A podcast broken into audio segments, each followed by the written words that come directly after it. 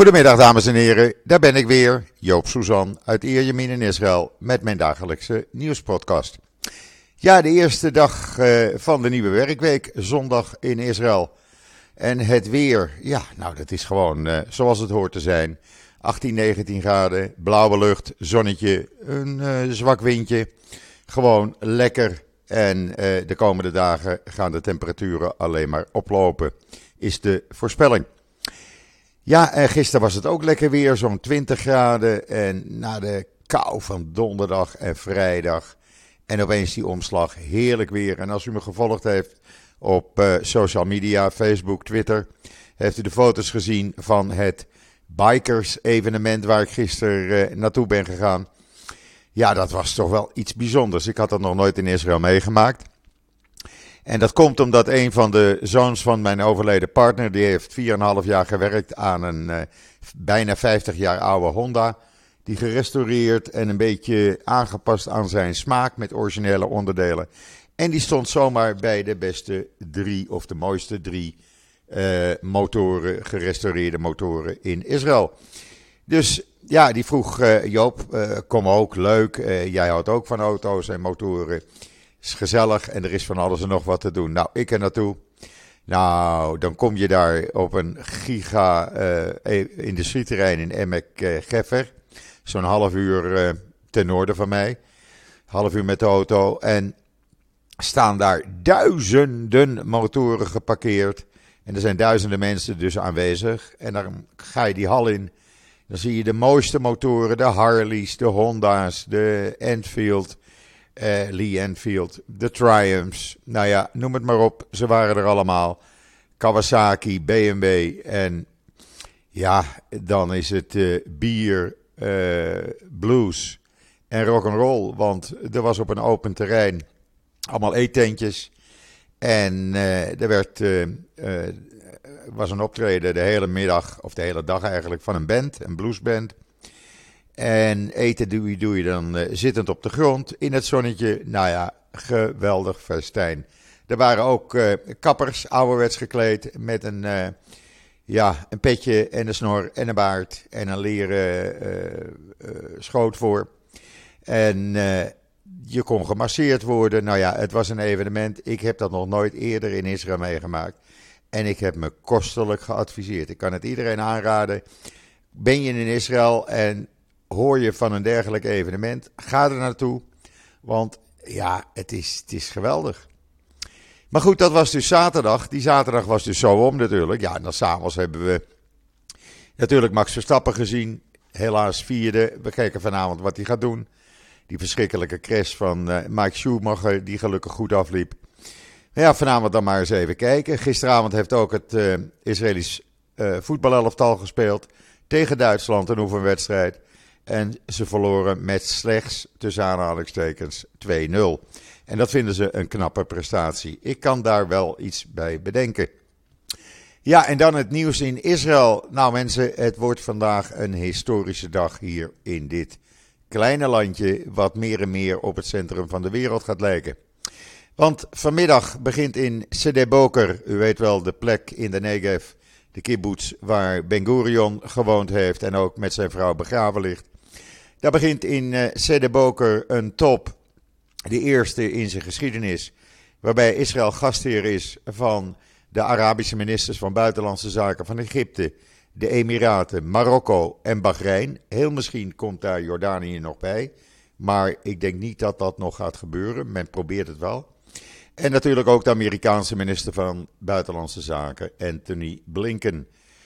Het evenement begint dus vanmiddag en uh, ja, morgen gaat dat door. Vanavond is er dan een diner en morgen zijn er allerlei werkgroepen. En ja, het wordt gehouden in het Israël Ketma Hotel. Uh, u kunt het helemaal lezen, allemaal lezen op israelnieuws.nl natuurlijk. De focus van deze bijeenkomst ligt op de regionale bedreigingen, natuurlijk Iran, uitdagingen en kansen. En uh, centraal staat natuurlijk de oorlog in uh, Oekraïne. En ook natuurlijk om die Iran-deal uh, niet te laten doorgaan. Nogmaals, heel bijzonder. En ja, het toont aan hoe het Midden-Oosten aan het veranderen is. Later vanmiddag ziet u nog een ander artikel op israelnieuws.nl. Dat komt om een uur of drie online. Over de IDF die een samenwerkingsovereenkomst heeft afgesloten met het Marokkaanse leger. Ze gaan gezamenlijk projecten doen. De, een hoge officier van de IDF was in Marokko afgelopen donderdag.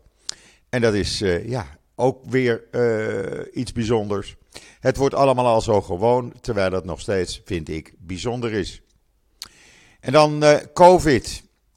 Hoe gaan we daarmee om in Israël? Nou, er is een kleine daling van het aantal viruspatiënten. Het is wel zo dat de directeur-generaal van het ministerie van Volksgezondheid, meneer Nachman As, heeft gezegd dat het aantal nieuwe dagelijkse virusgevallen natuurlijk nog steeds vrij hoog is. En dat komt vooral uh, door die BA2-variant. Maar ja, elk voordeel, of elk nadeel heeft zijn voordeel. Eh, ernstig zieken zijn er steeds minder. Dus ja, dat valt dan gelukkig weer mee. Maar ondertussen waren er gisteren ruim 41.000 mensen getest. 23,7% eh, was positief. Dat betekent 9.726 nieuwe gevallen. Op zaterdag worden er altijd minder mensen getest, dat moet ik erbij zeggen. Uh, in totaal, op vrijdag waren er nog ruim 67.000 uh, viruspatiënten in het land. Maar dat is gedaald naar 64.182, terwijl het aantal ernstige patiënten in de ziekenhuizen met 4 is afgenomen naar 296. Dat gaat dus goed. Ook het aantal kritieke patiënten is afgenomen. Het staat nu op 136 en 117 zijn er aangesloten van hen aan beademingsapparatuur.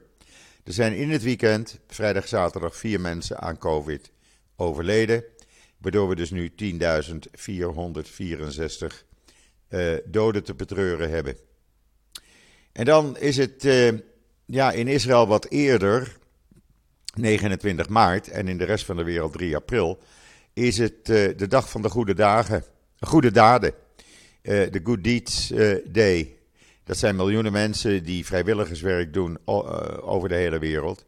En ook in Israël natuurlijk, daar is het een heel groot evenement geworden. En ja, daar doet iedereen aan mee eigenlijk. En er zijn een heleboel groepen en duizenden mensen, tienduizenden mensen, die zich aangemeld hebben om op 29 maart dan bijvoorbeeld computertraining voor ouderen te, te doen, kinderfietsen repareren, voedselpakketten organiseren voor mensen die het nodig hebben en buurten opknappen. Ja, dat wordt gewoon een, uh, een heel groot evenement, ook online. Lees het allemaal op uh, israelnieuws.nl. Dan hoef ik het niet helemaal uit te leggen natuurlijk. En dan kregen we van het Israëlisch Verkeersbureau in Amsterdam het verzoek om een artikel te plaatsen over een fietsvakantie in Israël. Kan dat dan? Is het dan niet te heet? Nee, dat kan uitstekend. Uh, vooral in het voorjaar, zeg maar tot en met juni. En in het najaar vanaf september is het uitstekend te doen. Je kan offroad, je kan ook gewoon op gebaande uh, wegen rijden. Uh, er worden wat voorbeelden gegeven van fietsen rond Ben Shemen. dat ligt tussen Tel Aviv en Jeruzalem in. In Agi Goed, dat ligt in, het, in de Galil, zeg maar ten noorden van het meer van Tiberias. Je kan zelfs naar Mount Carmel, Gamel. in het Timna Park, dat is fantastisch. Daar moet je echt offroad rijden. Dat is in de Negev, maar wel mooi.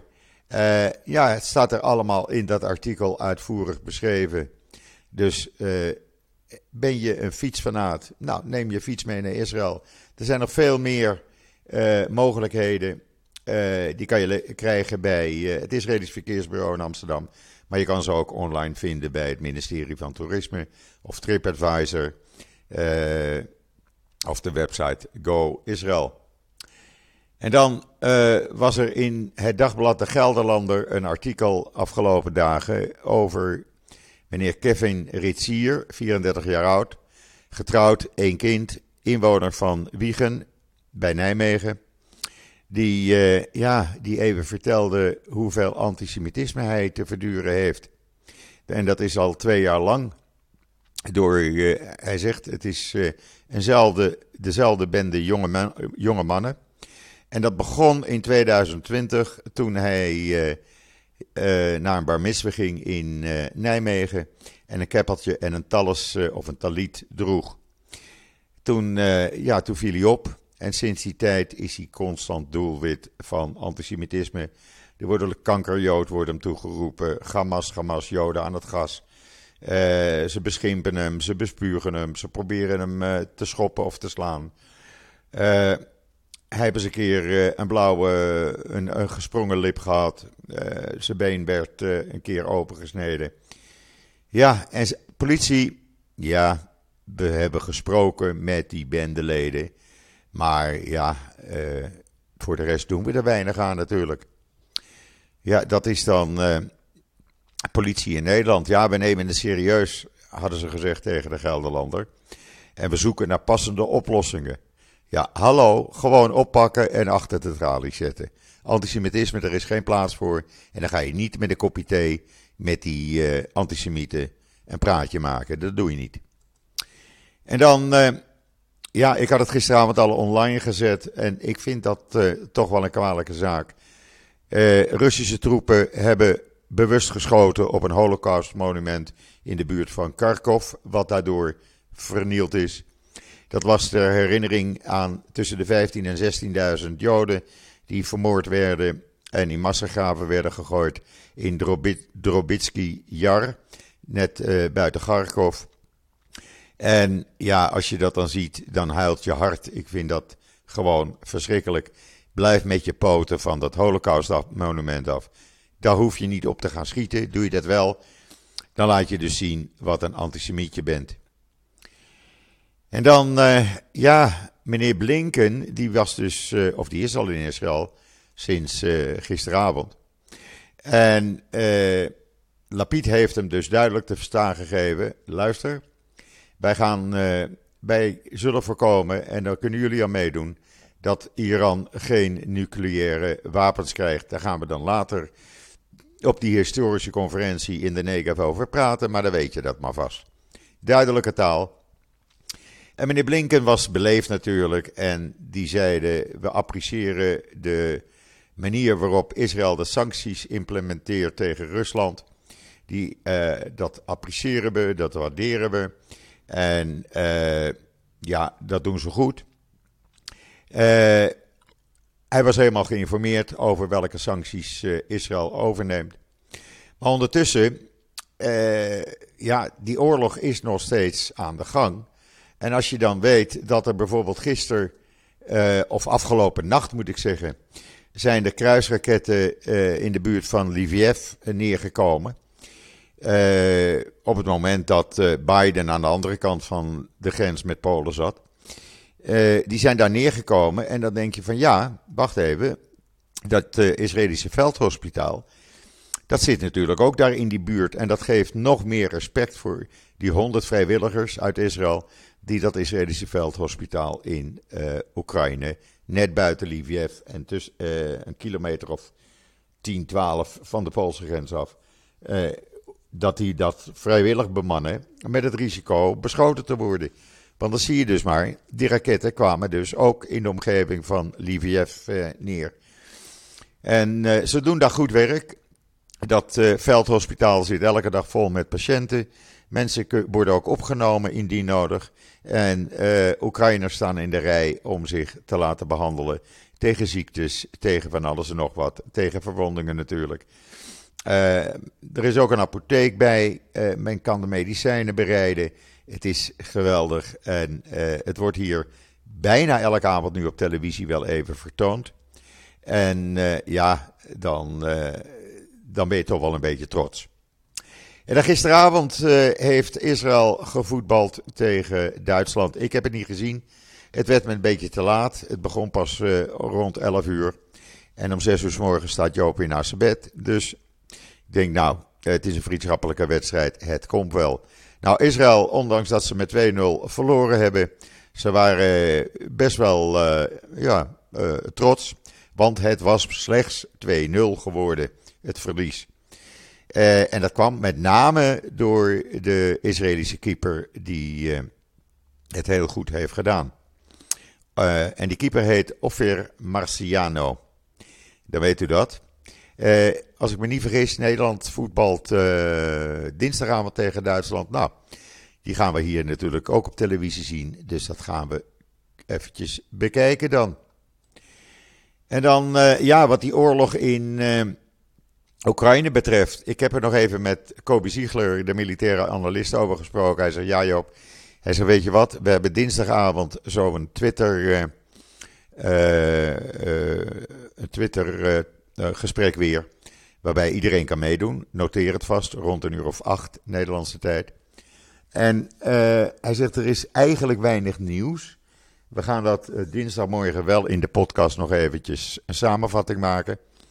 Maar hier in het nieuws was bijvoorbeeld dat Kiev beweert dat Amerika geen bezwaar heeft tegen het leveren van oorlogsvliegtuigen door Polen.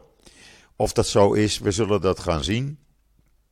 Dat zou dus betekenen dat uh, Polen overtollige uh, vliegtuigen aan uh, Oekraïne gaat leveren voornamelijk MiGs-29, die Russische toestellen. En die kunnen dan weer gebruikt worden door Oekraïne. Nou, dat zou natuurlijk geweldig zijn. Pratend over Oekraïne, er zitten Israëlische clowns in de grensstrook met Oekraïne. Die zitten in Polen, Moldavië, Roemenië. En die proberen op hun manier een beetje het verdriet de angst een beetje weg te nemen bij al die vluchtelingen. En uh, ja, die geven daar optredens, die spelen met kinderen. U kunt dat lezen in uh, de Engelstalige Ynet. Er zit ook een video bij. Ik heb hem ook op Twitter gezet. Want het is echt prachtig hoe ze weer een vreugde en een lach bij de kinderen, die vluchtelingen, brengen. En die kinderen even het verdriet laten vergeten. En ik vind dat mooi. Het zijn allemaal vrijwilligers, ze hebben allemaal andere beroepen. Uh, ja, het is gewoon geweldig. er zit bijvoorbeeld een ontwikkelingsmanager bij die als clown optreedt. Er zitten managers van bedrijven bij, mensen die een eigen bedrijf hebben. Geweldig wat deze mensen doen. En dan, ja, hier in Israël de settlement-organisatie, of een van de settlementsgroepen, de Yesha-raad, uh, dat zijn uh, kolonisten, die geeft de huidige regering Bennett de schuld van het bevriezen van de bouw van nieuwe huizen op de westelijke Jordaanoever. Nou, Israël heeft daar een, ja, een beleid voor gemaakt. Voorlopig eventjes rust in die tent. natuurlijk was het bij de vorige regering volop bouwen. Waardoor je dus ook weer terreuraanslagen kreeg. En nou heeft de Yesha Council gezegd, nou, dan gaan we een campagne beginnen tegen deze regering. Nou, ze gaan nog gang maar.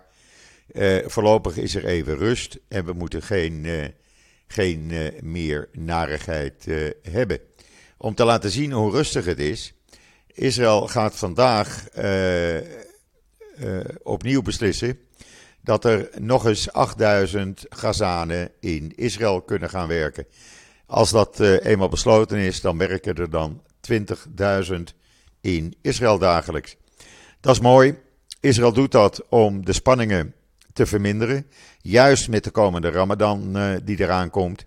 Uh, mensen die werken, die geld verdienen, die hebben geen zin in terreur. Is de filosofie. En ja, daar heeft men gelijk aan.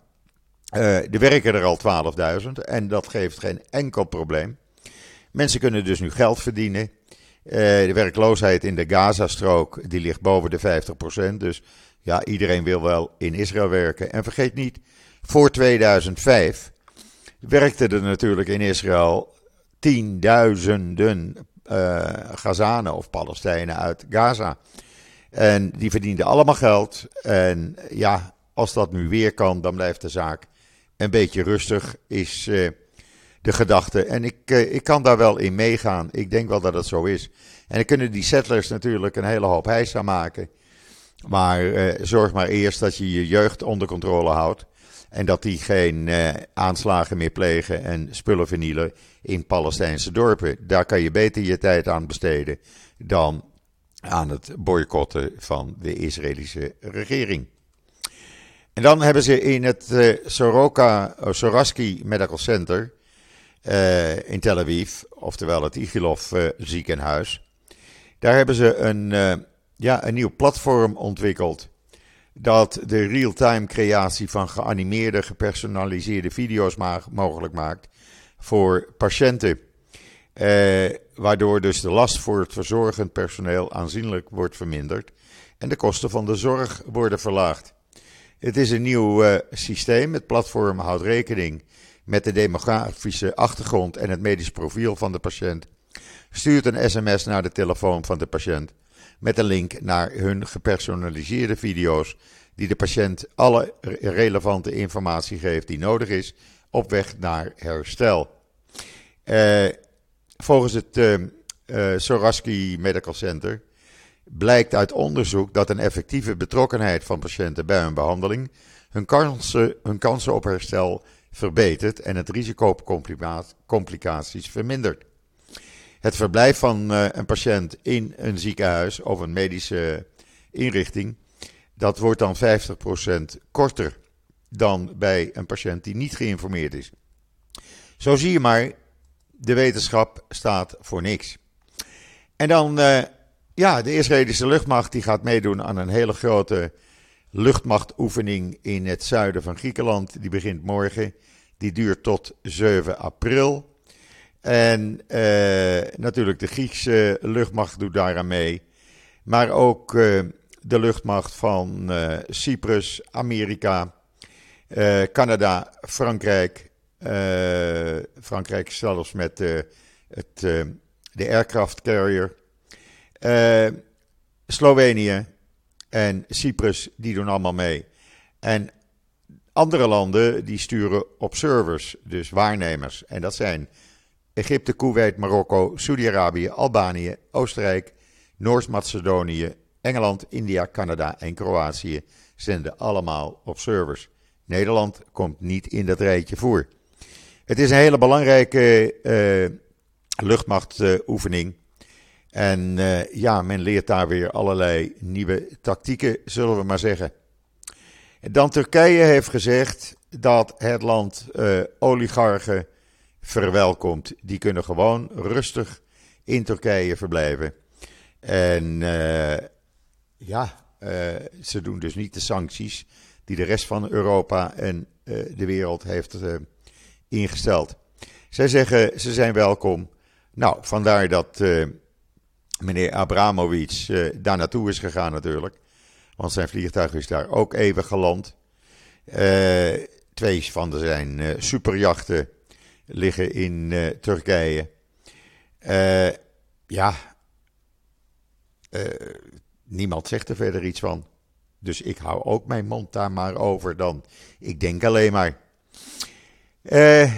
Ja, dat brengt mij alweer tot het einde van deze podcast. Het is nog steeds lekker weer, blauwe lucht. Het is toch wel lekker hoor mensen. Als je naar buiten kijkt en je ziet een blauwe lucht met een zonnetje. Hè, dan is die, eindelijk die kou weg. En uh, dan gaan we naar de hitte toe. Het brengt mij tot het einde van deze podcast. Ik wens u allemaal nog een hele fijne voortzetting van deze zondag. Geniet van het lekkere weer in Nederland, want dat is ook niet verkeerd. Ik ben er morgen weer en zeg zoals altijd: tot ziens, tot morgen.